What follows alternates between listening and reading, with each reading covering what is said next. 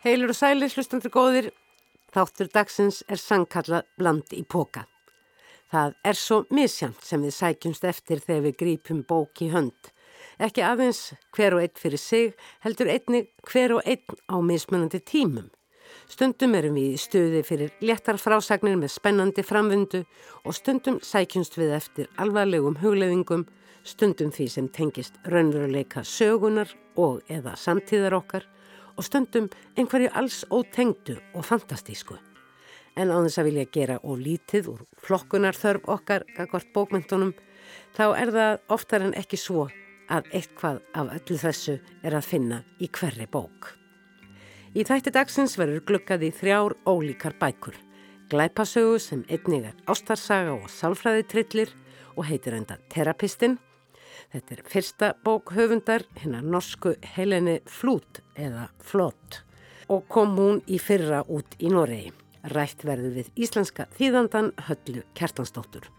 Þá verður rætt við Árna Óskarsson en nýlega kom út í þýðingu hans bók Nobelsveluna hafans Peters Handke Vonsloses unglugg eða Óskabarn og gefunar. Nær 50 árur liðin frá því bókin kom fyrst út í Þískalandi sem er líklega svo bók Peters Handke sem náð þau hvað mestum vinsældum. Hér er á ferðinni minningabók eða kannski verið réttar að tala um sorgarviðbrað en Handke skreifaði verkið á fáinum mánuðum eftir að hafa fyllt móður sinni sem fallið hafi fyrir eigin hendi til gravar. Við byrjum hins vegar á viðbræði Valdimars Tómassonar við veiru fári og veraldar ástandi.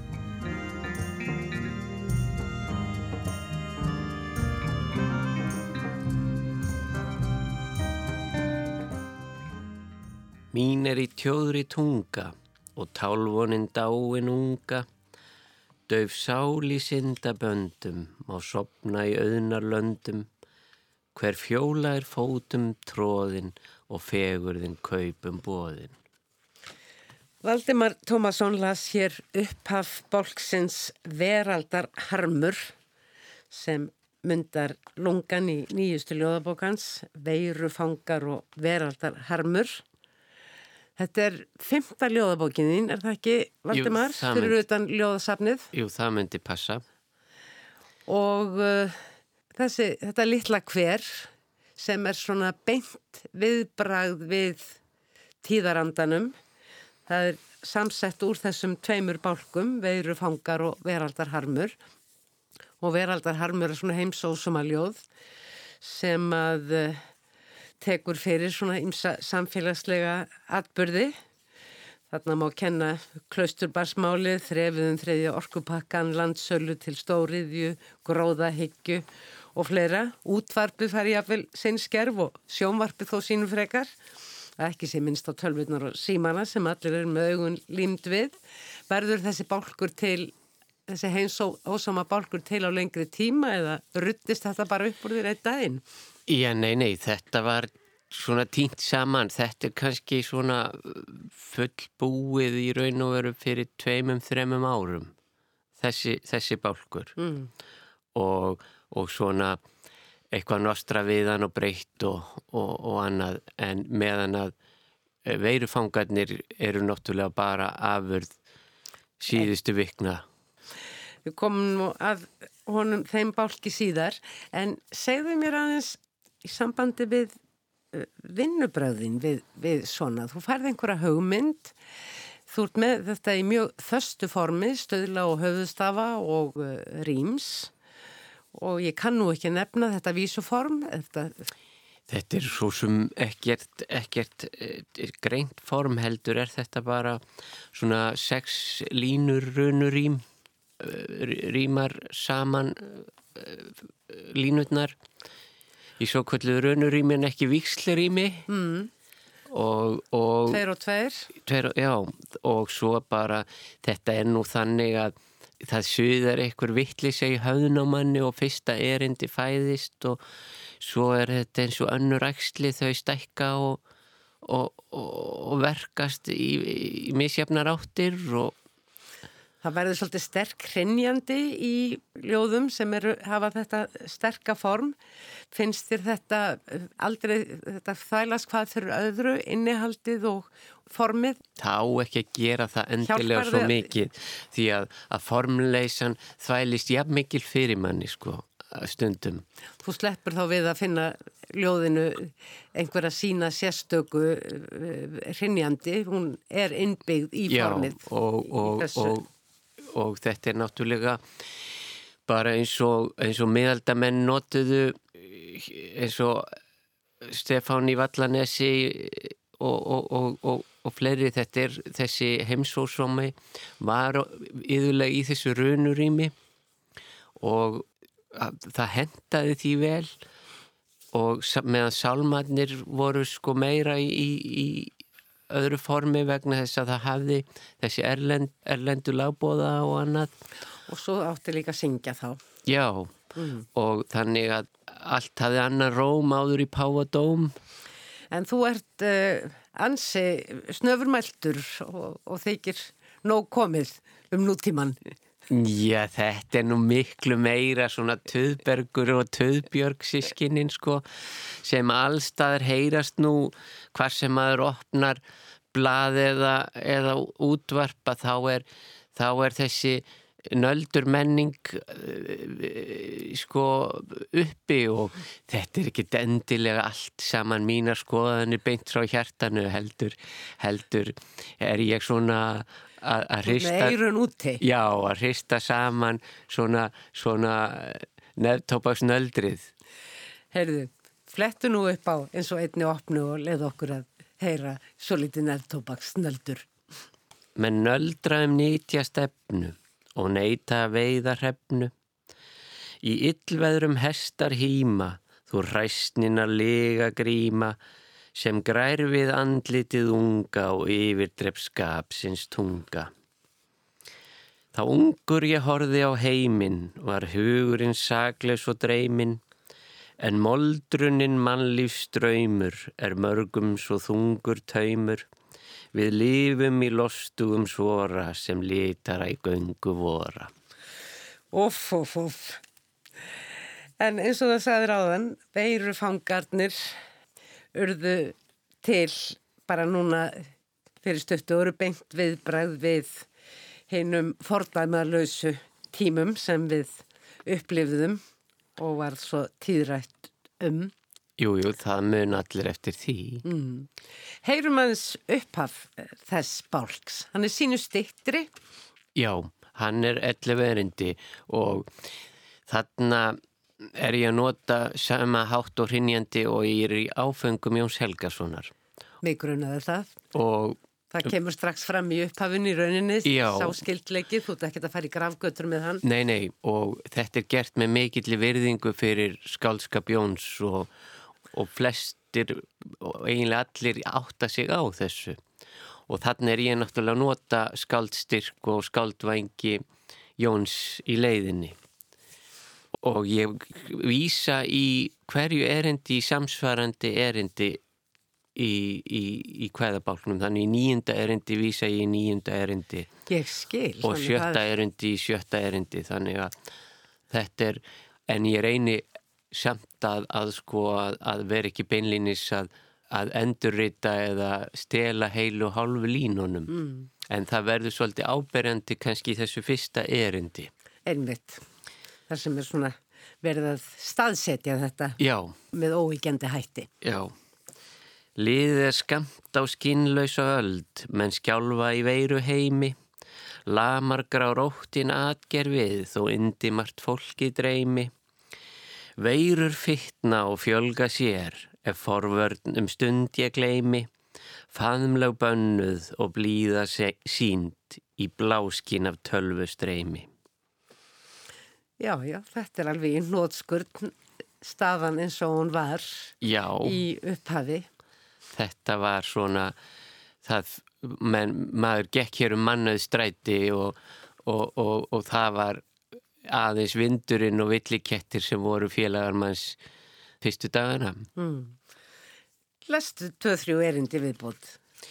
Íhögg við gnapir búðabjarg bölvað er tómum hillum, út er vísað með varga lund, viðskipta mönnum illum, djöflinum kveðið kvæða sapn, kræmar í friðarspillum, hjá landanum öllum lund er kvik, hann lendur í römmum villum. Nú er í smitvík nöpur vist, ég norpa í tómu porti, Líf mitt er allt á eitthvert veg út af gengið og korti. Í einsemt hveð ég hvæðast ef sem Kristján fjallaskáld orti. Á kvöldin heyras kynja hljóð af klósett pappirskorti. Var þetta til svona stakt, eh, svona líkt og hins og sama eh, ljóðin eða kom þetta svona, þetta er svolítið yfirvegað hjá þér.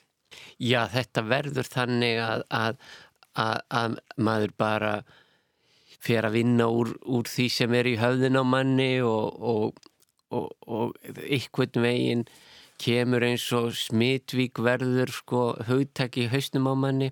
Svo hugsa maður það rýmar vel við dreitvík og allt þetta, þetta er svona Þá er stutt í klóstpappirinn Já og, og, og, og þessi fóbia það hlaupa allir og byrjuðu sér á klósettpappir eins og að byrgjarnir eru tómir.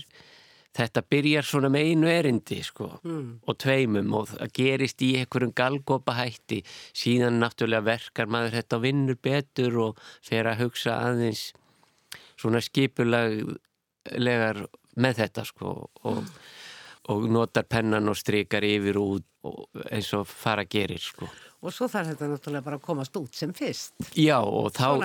Það. Þá, þá lág svolítið á að koma þessu á prent því að andartæki svona var eh, rétt, rétt í, á, á eftir eh, hörmungunum þannig að fólki sé þetta enþá nokkuð ljóst í minni mm.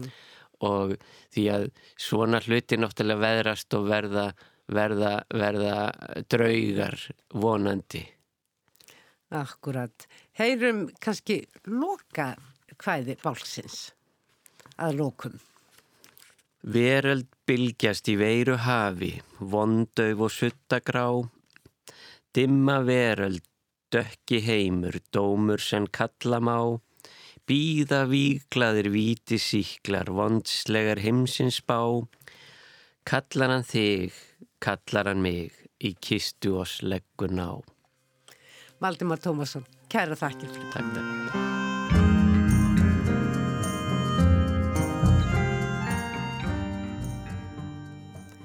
Undan farði hefur á þessum vettfangi verið hugað að sumarlestri og miðað við frambóð á glæpasögum hverskonar þegar vor og sumar fari í hönd er augljóst að á sumrin sækjast lesendur einna mest eftir glæpasögum. Í síðasta þætti var rættu tvo íslenska glæpasagnahöfunda sem eins og svo margir kollega sinna stilla í nýjistu sögun sínum upp glæp og ákveðir ansóknar teimi láreglunar sem lesendur þekkja úr fyrri bókum þarf að finna út úr hver sé sökudólkurinn og hvers vegna glæpurinn var framinn. Báðir höfundarnir sem rætt var við þau Solveig Pálsdóttir í velunasögu sinni Fjötrum og Ármann Jakobsson í Tíbrá fylgja línum hefbundina löggusagna en snúa jafn framt upp á þá formúlu með sínum hætti sem gerir bækurnar áhugaverðari aflestrar en ella og eigur einnig spennuna sem í báðum tilveikum en með ger ólíkum hætti þó snýst ekki aðeins um að leiða fram þann sem glæpin framti heldur einnig beinlinis eðli glæpsins. Glæpasagan Terapistin er af eilitið öðrum toga en bækurna tvær sem hér voru nefndar og telst til þess flokks glæpasagna sem kallaður hafa verið á íslensku sálfræðitrillir.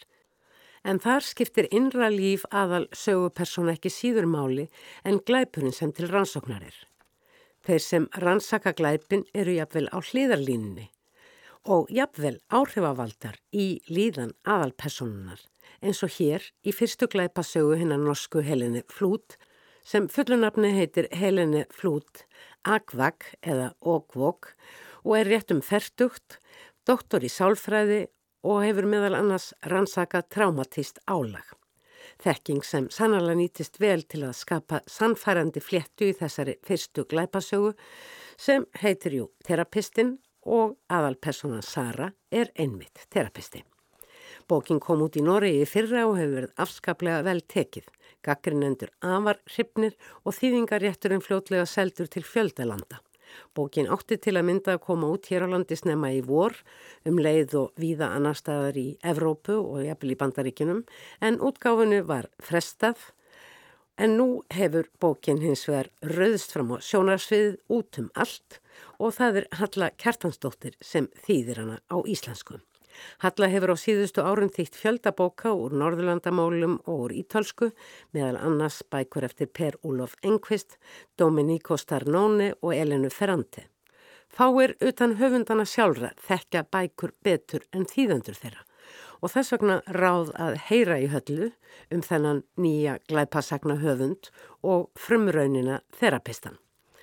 Harla, þú hefur þýtt glæpasögur eftir nokkra höfunda marga hverja ægivinsæla eins og Jón Nesbø en líka Júrt og Rosenfeldt, Lars Kepler að óglemdum Stík Lasson og síðan svo eftir erðaprins hans David Lagerkrans. Er uh, þerapistin öðruvísi? Sker svo bók sig úr? Já, ég myndi náttúrulega í fyrsta lagi nefna það að þetta er fyrsta konan af glæpasagna höfundun sem ég hef þýtt mm. og mér finnst bókin bera þess merki að það er ung kona sem heldur hérna á penna. Sjónarhóttnið er stúlkunar sem segir frá, hún er aðstandandi fórnarlampsins e, þó að við kannski getum ekki kallað að fórnarland alveg við vitum ekki alveg hvað gerist, mm. ekki, ekki lengi vel.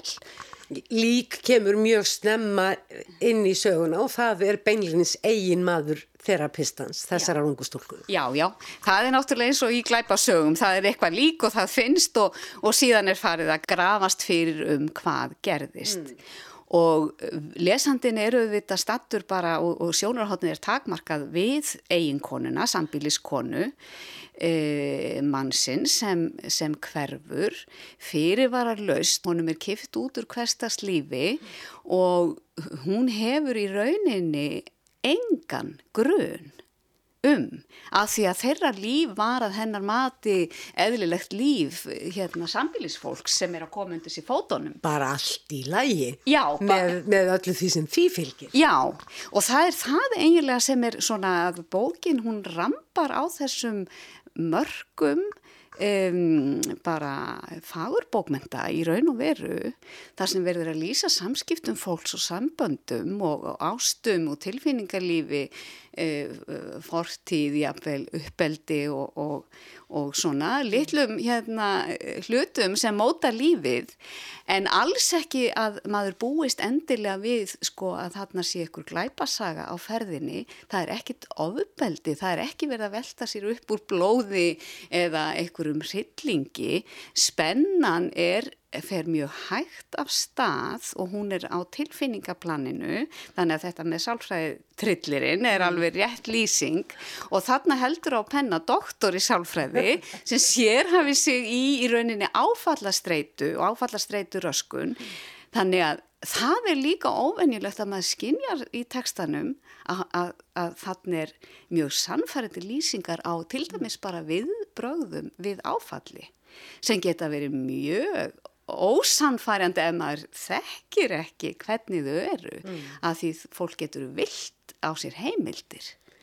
Og það er líka mjög sannfærandi þegar að upp er staðið og lengra er komið inn í söguna hvað þetta fórnarlamb likur mér við að segja sem að stendur allt í einu anspænis uh, þessum einhvern hryllingi í lífi sínu og fær áfall, hvað hann verður.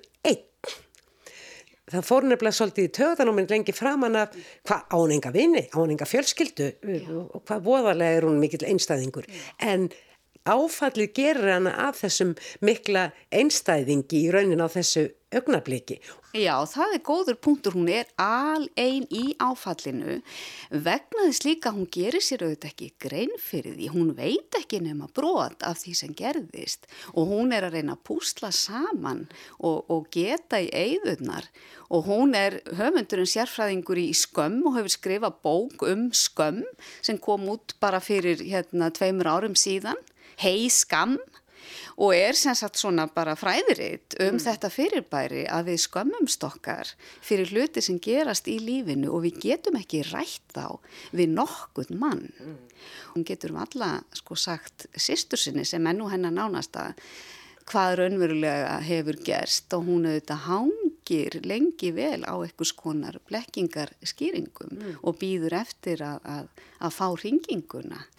Og allar þessar aðstæður vekja auðvita ákveðna tortrygni að mismunandi tógarendar hjá ættingunum, hjá rannsóknar aðilunum, hjá lögreglunni og hjá lesandanum. Já, það er, í rauninni eru alls konar lít, lítil atriði sem smám saman komi ljós sem að gera það verkum að lesandin fyrir að tortryggja sko sjónarhótt sögu hetjunar, mm. að hún sé raunverulega sko hérna eh, til frásagnar og hún sé til réttrar frásagnar um það sem raunverulega á sér staði mm. hennar lífi. Hún átti móður sem að fekk Alzheimer snemma og þar er saga sem smám saman opnast inn í miðri bók og þá fer lesandin að draga sínar álíktanir mm. um hennar raunveruleika skinnjun og hvort hennar minni sé áreðanlegt. Mm. En svo kemur ímislegt í ljós og það er í rauninni þræðirnir í þessari sögu eru mjög vel nýttir og það er ekki fyrir alveg lokin sem við fáum svona heldarmyndina en við sitjum samt uppi enn með spurningar. Það líkur ekki fyrir endanleg hjáttning skulum við segja en það er eins og svo sem oft í glæpasögum leitt uh, nokkuð sannfærandi líkum til ákveðnar niðurstöðu en það er eiginlega já, allt upp í fjóra fymtu bókarinnar er allt í flæku og síðan er þessu já, bara ræða mjög snirtilega saman en kemur stöðust á óvart í lokinn. Já og það er sennilega það sem er sko heillandi við þessa sögu og hefur gert það verkum hún við náð þessum miklu vinsaldum að það er hvernig hún fléttar þessu saman og, og það er ekki einuföld flétta og það er flétta sem kemur og óvart mm. og svo er hún alltaf á sko mjög raunsæju plani hún er í hverstagsleikanum hún fer inn í tilfinningarlíf þessara ungu konu og allir hennar mm. einhvern veginn draumar um það að eignast fallegt hús, þau eru að gera upp hús hana langar að eignast badn og þau eru og það er þetta samband á milli þeirra sem mér finnst vera líka undirlikjandi mm. spennu þáttur í verkinu bara þetta ástarsamband á milli hennar og sambilismannsins mm. og hvernig þeirra svona stuttasamband hefur þróast mm. og hvað við veitum kannski þegar uppi staðið lítið um okkar nánasta sambílis fólk og ættingja og það er líka þannig að við sem lesendur við förum að horfa í allar áttir á sýsturina, pappan, móðurina, allstaðar er ykkur leindarmál sem við býðum eftir kannski, en kannski ekki heldur. Og líka hún er með þetta sko manneskja sem hefur lifað mjög lengi undir miklu álægi, að hún er sko hættuleg sjálfrið sér á umhverfinu ef álægið fer yfir einhver mörg mm. og það er í rauninni það sem er svona undirleikjandi líka að það eru þarna personur sem að fara á ystu mörg tilfinningarlega og það er bara vennilegt fólk en þeirra tilfinningarlíf og sálarlíf hefur þróast og vegna ytri aðstæðina meðal annars. Þannig að, að, að hinn frumstæðu elementi mm. mannsálinni sko lokið fer af. Nákvæmlega. Hérna hún hefur vitað því sem hún er að skrifum hún er Helene og hún hefur skrifað þessa bók sem þú nefndir um skömmina og líka tvær uh, ungdómsbækur. já, eða eina. Já, já, en það var, sko, það var 2008 sem svo saga kom út. Mm. en það sem ég ætlaði eiginlega að koma inn á er uh, stíl Bílins, þetta er löngbók frekar, hún fer ítarlega inn í aðstæður og lýsingar á fortíðaratvikum og svo framvegis. Maður vil gerna hann fletta rætt í svona uh, glæpasögum en það hægir reyndar á mann eftir því sem uh, lengra dregur. Maður hættir að, að hlaupa yfir því að maður finnur hvað hlutinir skipta miklu máli. En ég var að spyrja um stílinn. Já, stílinn er, sko þetta er eins og margir norrænir og flestir norrænir glæpasagna höfundar. Þeir eru mjög sko blátt áfram í stílnum og án einhverja mikill að sko það er ekki ljóðræna, það er ekki sko stílþrif eins og við hérna bóka þjóðin. Þannig að það er, jafnvel getur verið flókið að finna akkurat þetta hverstags mál sem þó þarf að vera sko e, lipurt og leikandi. Mér finnst hún skrifa sko lipran stíl og einhvern veginn blátt áfram hverstagslegan og hún er mjög góð í að draga upp sko senur þar sem hún fer í smáadriði í umhverfinu og næra að tengja það við svona ákveðna spennu, það verða vissir hlutir sem hún staldrar við og, og klifar svolítið á í húsinu. Mm. Af því að senan er aðalega húsið sem þau eru að gera upp og það er saga og henni tekst ekkert neina vekja þá sögu með litlum atriðum litlum hlutum. Þetta er uh, hús í umbróti, hús sem er að, þar sem að kynnslóðaskipti er eiga sér stað þar sem er verið að brjóta niður og setja nýtt og allt er einhvern veginn í augnabliki sögunar högtandi. Þetta er einhvers konar myndkverfing af þeirra hjónabandi og, og uh, þeim aðstæðin sem þarna ríkja í þeirra sambandi. Já og margt í þessar sög sem hún þekkir ekki það, það tilheyrir sko ætt mann, það er fjölskylda eiginmannsins, það er afi hans sem átti húsið móður afi hans sem var mjög sérstakur. Og það kemur í ljósa, hann hafði mjög skýra sín hugmyndafræði, hann var kommunisti af gamla skólanum mm. og var sannfærður um það að, að það væri bara tímaspusmál hvenar kommunismin hérna næði yfirtökum í, í Noregi og svo á hún sjálf föður sem líka, líka hefur mjög skýra sín Já. en allt aðra. Þannig er líka, þetta er, þetta er sán kynnslóður líka. Já. þannig að þarna er svona hugmyndafræði undirliggjandi sem hefur mótað þau bæði, þetta unga fólk, án þess að maður kannski beinlínis, en um leið og maður kynnist sögunni, þá veit maður að það eru einhverjar mjög skýrar línur á báða bóa sem hafa mótað þetta unga fólk, kannski undir vitundinni, mm. en hefur síðan bara mjög mikil áhrif, tilfinningarlega áhrif. Nú er það þannig hjá glæpasagnahöfundum að þeir skrifa gætnan í serjum en það kannski aðall glæpasögunar þetta að vera með eitthvað kunnulegt svo kemur fyrsta bókhöfundar og eh, eins og í þessu tilviki henn er afskaplega veltekið um, ég sé ekki beinleginis þörf á einhverju framhaldi eða hvernig það að geta, geta verið. Hver er þín tilfinning sem hefur kannski meiri reynslu en ég? Að því að lesa og, og, og fara djúft inn í glæpasugur? Ég held að þessi unga kona gæti vel átt framtíðina fyrir sig, ég veit að hún er að skrifa aðra sögu, en ég er ekkit endilega vissum að svo kvöldu seria sé, sko, að því í serium eru sömu personutnar, það er samir ansóknar lörglumadurinn eða eitthvað slíkt, ég sé ekkit endilega fyrir mér að Sara sem er aðal personan myndi bera margar bækur nema að það væri eitthvað mikið sem við ættum eftir að vita um hennar líf mm. og það eru auðvitað margt þar þetta. En ég veit ekki hvort hún er á sömu slóðum með nýju bókina eða hvort hún er að byrja á allt öðru. Og hún sagði það í viðtali að hún hefði í rauninni ekki átt að segja á því hún væri að skrifa sko glæpa sögu að þessi saga sem hún væri að skrifa sem hún var að vinna að í mörg ár í fæðingarorlofi. Og hún sagðist að hafa fengið hugmyndina að henni þegar hún sati myrkri yfir frumburðu sínum sem aldrei gætt sopna nema að hafa eitthvað sitjandi við hliðin á sér. Og þá komi allar þessar hugmyndir til hennar. Hún var alveg í fimm ár að vinna úr þeim og sagði engum frá því að hún væri að skrifa mm. skáldsögu mm.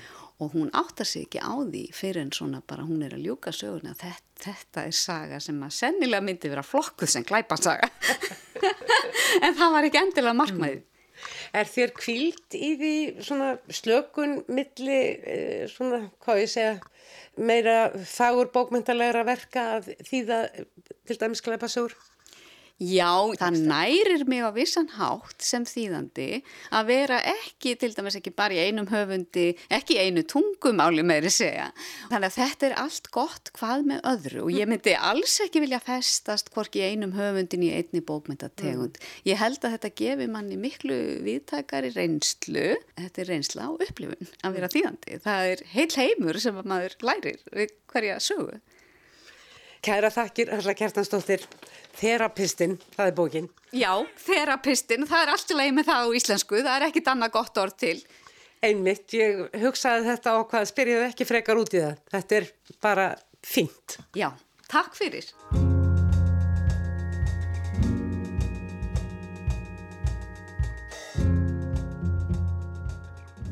Austurískiri töfundurinn Petur Handke hefur oft á sínum langa ferli mótt verja skoðanir sínar um menn og málefni og það voru alls ekki allir á eitt sáttir um verðugleika hans til bókmyndavelluna Nobels ársins 2019.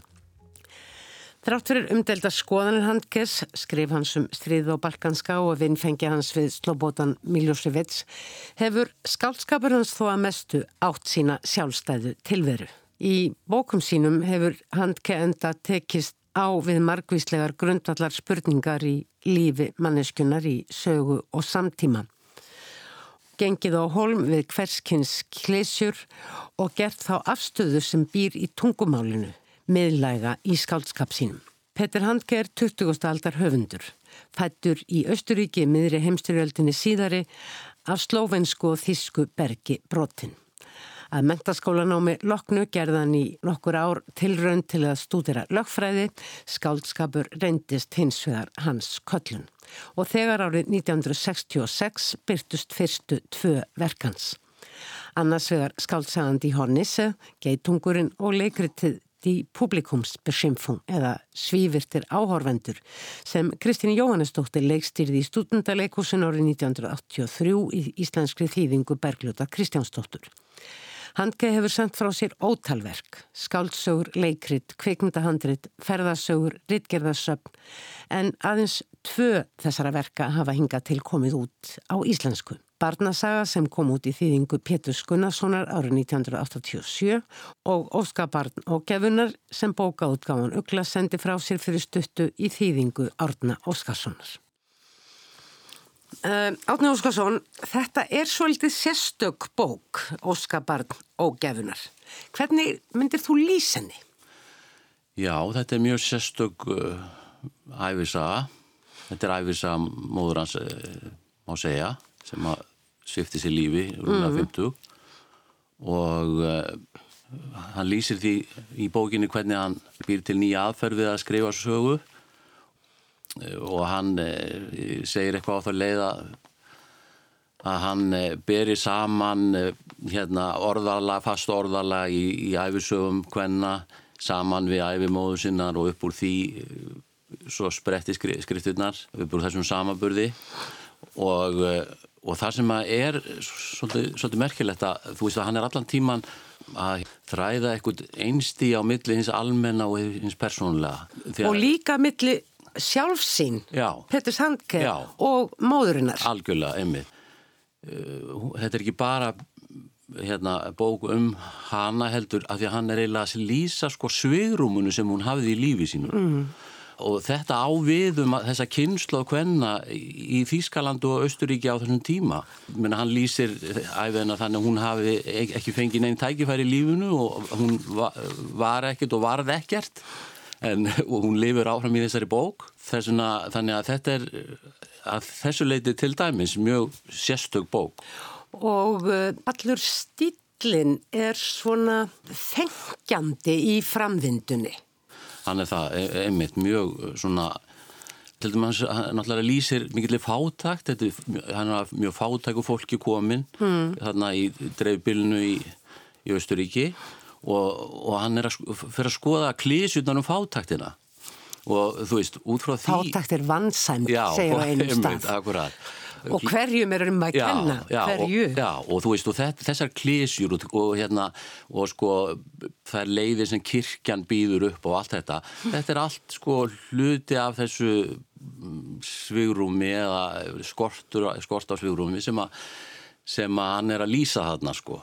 Og þá verður til dæmis uh, einleiðing Östuríkis í þriðja ríkið og uh, herlegheitin innan gæsalappa sem að því fylgja, þau verða náttúrulega í þessu ljósi fá á sig allt aðra mynd og allt aðra merkingu heldur en við skoðum það í dag. Einmitt akkurat. Þetta, hann lýsi því finnst mér mjög, eh, svona, verið mjög sterkar, þetta er ekki langa lýsingar. Við kannski að grýpa niður þar í tekstanum, svona til þess að leifa tekstanum líka að hljóma. Fjöldasamkomur með blískóngum og hátíðarhöld. Byggingar voru prítar nýjum fánum að framanverðu og hilsuðu. Skóarnir og fjálstindarnir skörtuðu sínum fegusta. Hinnir sögulegu atbörðir voru fluttir sveitafólkinu sem náttúruleiksýning. Við vorum ansi spennt, sagði móðu mín. Í fyrsta sinn kynntist fólk samfélagsviðburðum. Meira að segja hverstast leiðindin fengi á sig hátíðablæ, alveg fram á nótt. Loksins kom skindilegi ljós stort samhengi alls sem fram að því hafi verið óskilanlegt og framandi. Það byrtist í samskiptum fólks og jábel þrúandi vanaverk urðu þýðingamikil og hátíðleg. Handtökin við þau fengi á sig íþróttamannslegan blæ við það að skinja að ótala aðrir viðhauðu þau á sama tíma og þannig fekk lífið form og innan þess fannst fólki það verið í góðum höndum og þó frjálst. Takturinn var tilvistarlegur sem först regla. Sérhagsmunir víkja fyrir almannahag, hildin hefur forgang. Því var fólk allstaðar heima, heimþráin var úr sögunni. Mörg heimilisföng aftan á ljósmyndunum, minnisbók var keft í fyrsta sinn eða fjæst gefins. Allt í einu voru kunningjarnir orðin svo margir og það gerði svo margt að hægt var við að eitthvað glemdist. Hanna hafði ætið langa til að vera stolt af einhverju. Þar eða nú var allt sem gert var á einhvern hátt mikilvægt, varð hún verulega stolt Ekki af neinu sérstöku heldur var þetta almennt stolt sem var afstafa og tjáning langþráðra lífskinjunar og þetta óljósa stolt vildi hún ekki gefa eftir. Hún hafði sem fyrir engan áhuga stjórnmálum. Það sem svo augljóslega gerðist var í hennar augum allt annað. Grímuball, bíofréttamind, verallegur kirkjudagur, en það voru stjórnmál, eitthvað óáþreifanlegt, óhlutbundið og því engin grímudansleikur, engin ringdans, engin prúðbúin þjóðlega hljómsveit, í stöttumáli ekkert sínilegt. Hvert sem liti var, skrautsýning og stjórnmál voru hvað? Orð sem hafði enga merkingu því að það hafði verið barið inn í hana í kjenslubókunum eins og öll pólitísk hugtök, án tengsla við nokkuð áþreifanlegt, raunvörulegt, heldur var aðeins stikkorð eða þá mannlaus tákmynd ef það var myndrænt undirókunin sem hlekkir eða stífvilahæll, frelsið sem fjálstindur, hagkerfið sem róandi, spúandi, verksmiðu, reikháfur og sem vinnuloka flauta og þjóðfélagskerfið sem stígveldi með keisara, konungi, aðalsmanni, borgara, bónda, vefara, trésmiði, betlara, lígrafara. Leikur sem raunar aðeins var hægt að setja fullkomlega á svið í bartmörgum fjölskyldum bænda, trésmiða og vefara. Þessi tími hjálpaði móðuminni að losa um hömlurnar og verða sjálfstæð. Og þetta er í rauninni svo mótsögn sem hún síðan býr við alla tíð því að þetta er náttúrulega ekki til frambúðar þetta grímubals ástand Nei, sem hún upplifir þarna í byrjun uh, eh, þriðaríkisins. Einmitt. En tilfinningin á eftir að fylgja henni alla tíð. Já, akkurat. Hún tekst svo vel að gera okkur grein fyrir þessari, þessari mótsögn. Og það líka í samfættu við sko að því að hún fer þarna til Berlína líka og býr þarna í Berlínum tíma sko Já. og snýr hún aftur í þorpið og þá er hún búin að kynnast einhverju veröld eh, sem ger það verkum að, að lífi í þorpinu er ja, en þá takmarkaðar að nátt. Nákvæmlega.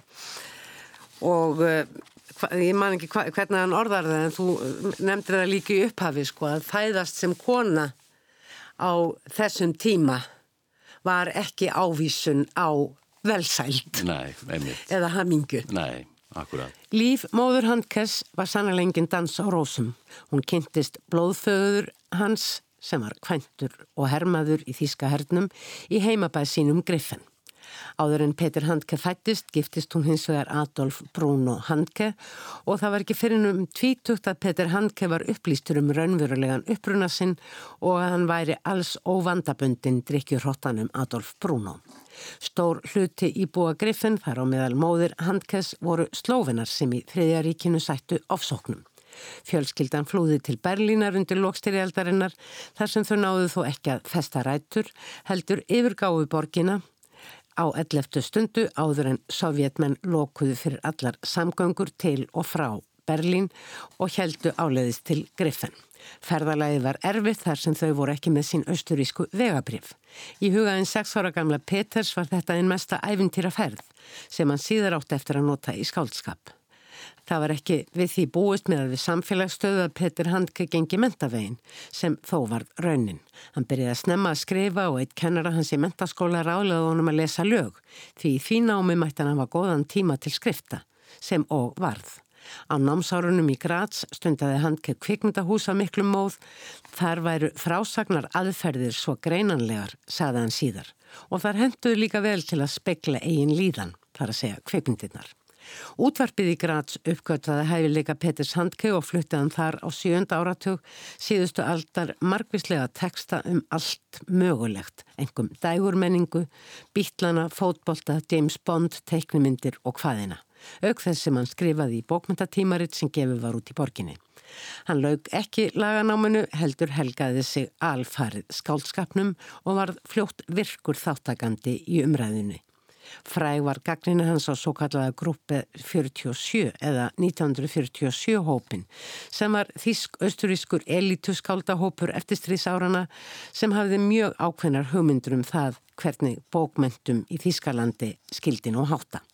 Þar eftir hefur Handke skrifað fjölmart eins og áður sagði, höfundaverk hans er fjölbreytilegt og einkennist af mjög virkum áhuga bæða á hræringum samfélagsins, sögulegu efni og afar engalegum hugleðingum eins og bækurna tvær sem að þittar hafa verið á íslensku, barnasaga og nú óskabarn ógjafunar vitna um.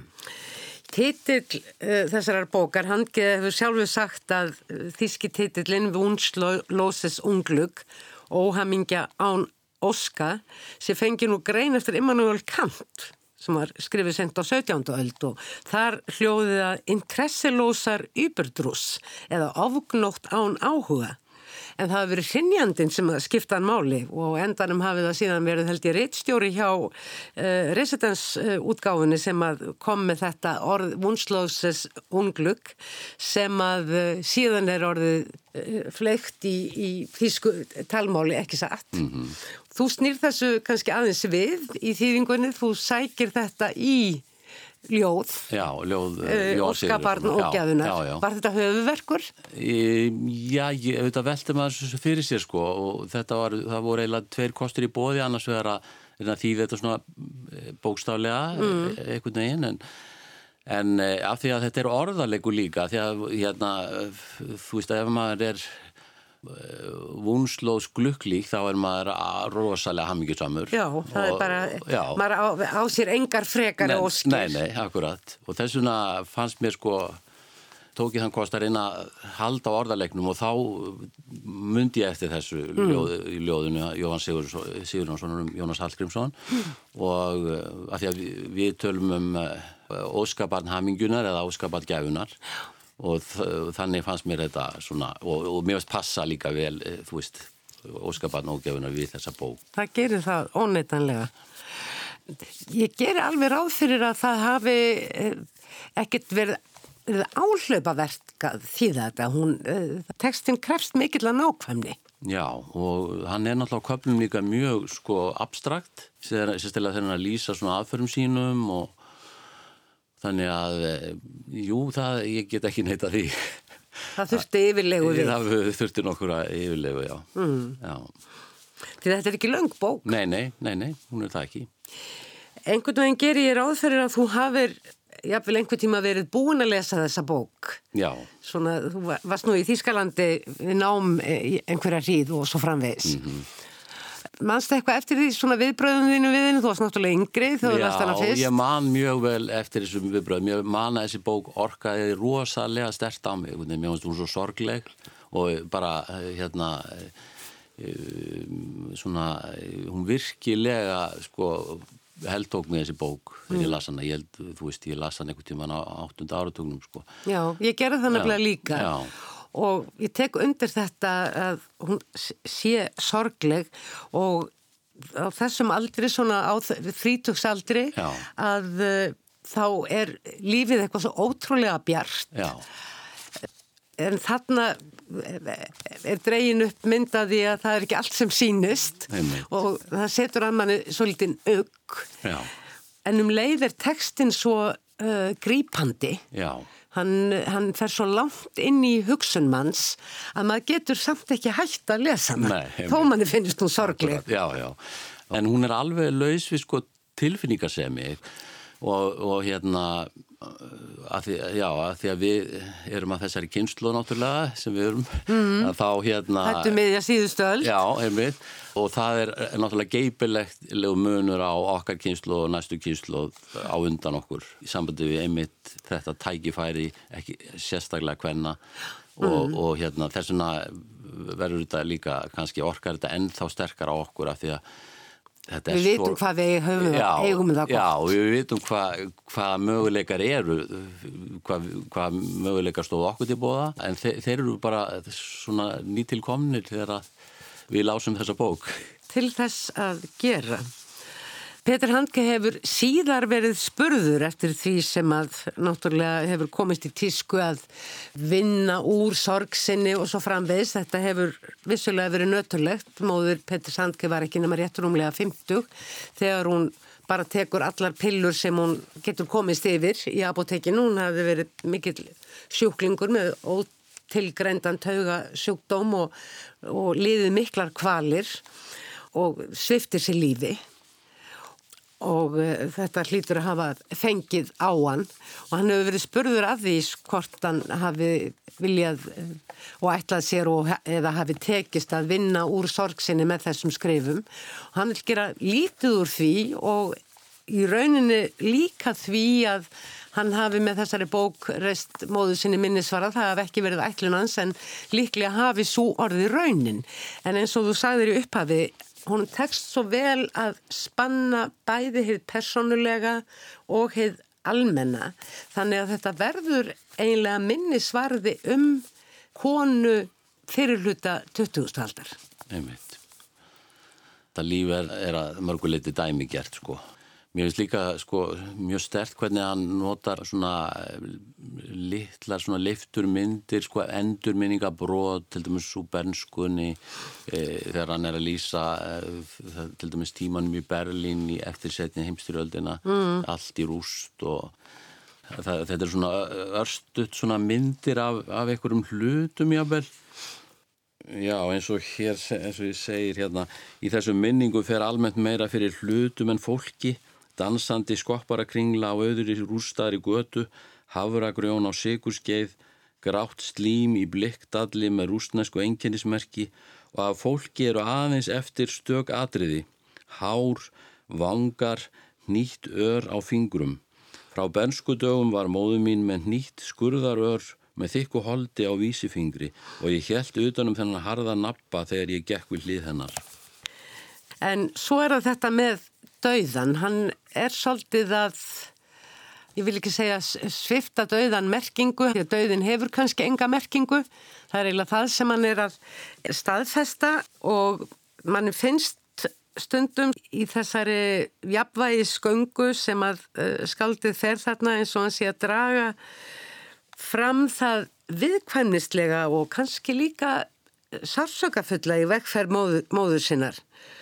Í þeim tilgangi að það muni í framtíðin ekki kalla fram viðkvæmni hjá honum sjálfum. Hann er raunin að berjast gegn sorginni. Mm -hmm. Já, það, ég, þetta er aðeinsverðt sjónum við. Hann segir á einum stað að með bókinni sé hann að framkalla sælar minningar úr skelvingunni. Já, einmitt. Já, já. En ég sagði hérna í upphafi að Petur Handke væri umdeldur maður eins og við veitum. Finnst þér það svona þegar þú lítur í einn bar, það er einhver áhrif á þig við lesturverka hans? Ég, þú veist, ég hugsa ekki um þetta þegar ég er lesa uh, þessar bækur, sko. Mm. Ekki frekar en ég hugsa um uh, rúsneska, sovjerska gúlagi þegar ég les Lagsnes, skilur við. Það er uh, sjálfsagt að draga fram uh, hérna og gaggrina hans skoðanir, sérstaklega á Bosníustriðinu og, og framvegis, en, en hérna Það er nú líka verið mjög uh, gengið langt í bara róburði, reynlega finnst mér mm. hérna út frá þess, þeim skrifum sko og mm. þessari hérna veru hans í útför Milosevic. Því tekstar hans eru óíkjandi þegar þeir eru bestir eru þeir algjörlega snildarleir. Já og líka sko eins og hérna þegar þú rætti við eh, Kristján B. Jónasson um, um handkeið hér á síðast ári þá, að þá talaði hann um það að sko hvergi í hans verkum er þau eru alveg laus við uh, alla hilling og ofbeldis mm. Hvað finnst þér svona enkenna, nú lesið nokkur verk eftir handkeið, enkenna uh, hann sem höfund? Já, það er náttúrulega þetta með tungumálið, það er uh, hvað hva hann skoðar heiminn gegnum tungumál og er alltaf svo meðvitaður um, um Hann býr til heiminn Býr heiminn í tungumálinu, jú, jú, svo sannarlega. Og hann er að skrifa um umhverfið og, og skinnjun sko, og skinnjun sín alltaf þú veist að reyna að finna leiðir til þess að tjá skinnjun og mér fannst sko Sigurður Pálsson lýsa þessu svo vel í einu sinni að hann skrifaði hávaðalöst opnar hann nýja skinnjun mm. þetta er svona gegnum gangandi fyrst mér þessi verk eru yfirleitt ekki sögur í hefnum skilningi þetta eru mjög mikið svona lýsingar, hugleðingar mm. þetta er hmm. svona sjálfið í náttúrunni og svo framvegs og heillandi skálskapur Og þú ert í afkomin á kafi í enn eina handkeppbókina Já, það var samið um að við rétt á að gefa út þrjár bækur eftir handge á íslensku og þetta er svo fyrsta. Og svo verður næst sagt, núni í haust kemur sagt, uh, hérna, hræðsla markvarðarins við vítaspörnuna í þýðingu Frans Gíslasonar, það er gömul þýðings hann nú dónu fyrir nokkrum árum. Uh, og svo er ég núna að þýða der kurze bríft som langan absít stuttabrið og hinn langa kveðja. Mm. Og hún kemur á næsta ári. Ég þekki hann ekki. Nei. Er það uh, nýri bók heldur en þessar sem að uh, hér voru nefndar? Hún er bara á svipuðum tíma. Sko. Þetta er allt að koma út þarna á áttunda áratögnum. Sem var jú mjög frjótt tímabill í lífi Peters Handker. Já, einmitt. Mm. Þetta er ekki gíska löngbók eins og við sögðum á þann. 106 tölusettar blaðsíður og maður er ekkert lengi að lesa hana en maður hefur tilneingu til þess að snúinni síðan við Já. og byrja aftur. Mm. akkurat. Það er ótrúlega margt að uppkvötva í þessari bók. Einmitt. Og jáfnvel þó hún sé nú næri halraraldar gömul að þá stennst hún tímans tönn. Já, hún er bara, virka bara nýstárleg eh, enn þann dag í dag. Þegar hann, eh, hann fetar alveg nýja slóð við að segja mm. sögu það er engin, engin bókversku á íslensku sem er neitt líka þessari bók. Nei, líklega bara ekki. Þó að mættu nú kannski íhuga það, það betur. En við lifum jú á, á tímum þar sem að sjálf æfisögur eru mikið teknar, skulum við segja. Já, já. Bæða höfundum og lesendum. Já, já, já, já, og talandum að þá náttúrulega hefur til dæmis þarna norski Karl Óve Knauskort. Knauskort, hann er undir miklum áhrifum frá Handge og hefur mikið mært hann og, mm. og uh, hann er náttúrulega alltaf fjallum eilíf og og Handke hefur í rauninni gert það líka. Já, bara nánast gegnum gangandi. Já, það er síst í leikritónu Já, einmitt. Og það er líka eh, gaman að því sko að í Nóbersræðunni hans Handkes að þá kemur hann aftur að móðurinni sko.